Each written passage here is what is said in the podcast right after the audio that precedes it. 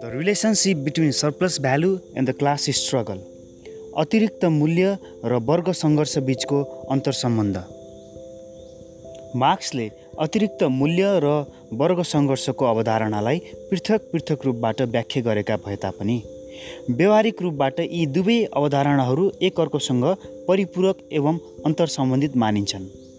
अतिरिक्त मूल्यको सिद्धान्तद्वारा मार्क्सले पुँजीवादी व्यवस्थामा पुँजीपतिहरूले श्रमिकहरूको शोषण गर्ने उद्देश्य र शोषणको प्रक्रियाका बारेमा स्पष्ट गरेका छन्।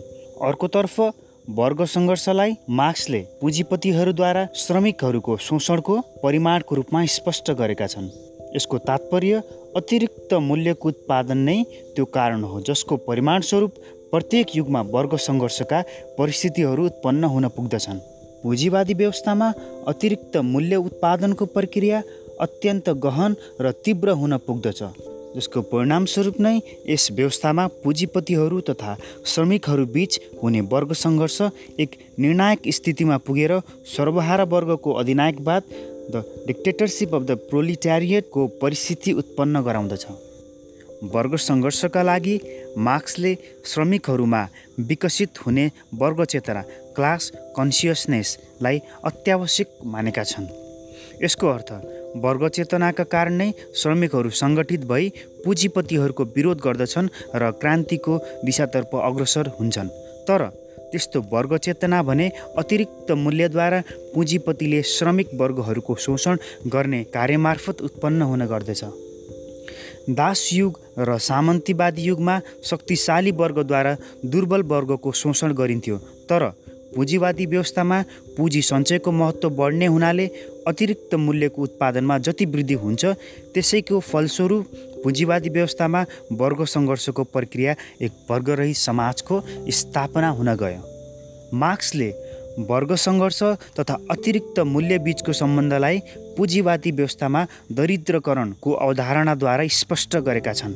दरिद्रीकरण त्यस्तो अवस्था हो जसमा शारीरिक श्रम गर्ने श्रमिक वा श्रमजीवी वर्गले जीवनका आधारभूत आवश्यकताहरूलाई पनि पुरा गर्न सकेका हुँदैनन्।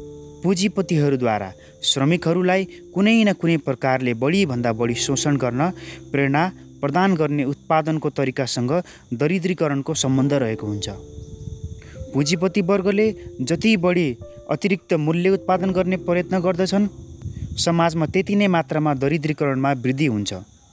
श्रमिकहरूमा बढ्दो दरिद्रीकरणको समस्याले नै तिनमा असन्तोष वृद्धि गराई वर्ग सङ्घर्षमा प्रेरित गर्दछन्।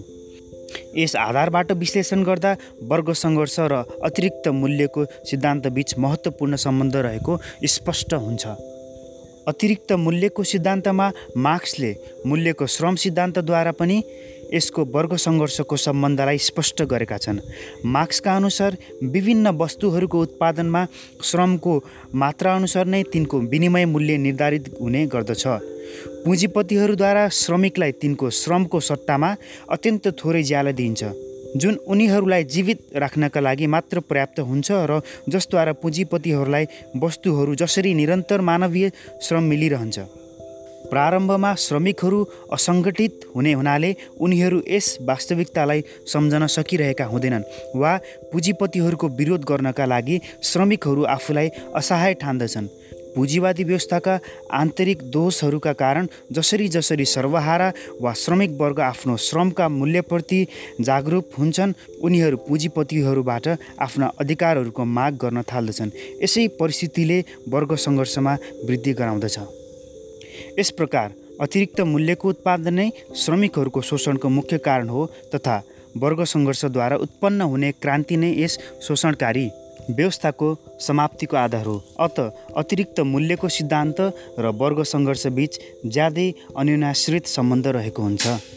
यो त रहेको थियो अतिरिक्त मूल्य र वर्ग सङ्घर्ष बिचको अन्तर सम्बन्ध so that was all the relationship between surplus value and the class struggle thanks for listening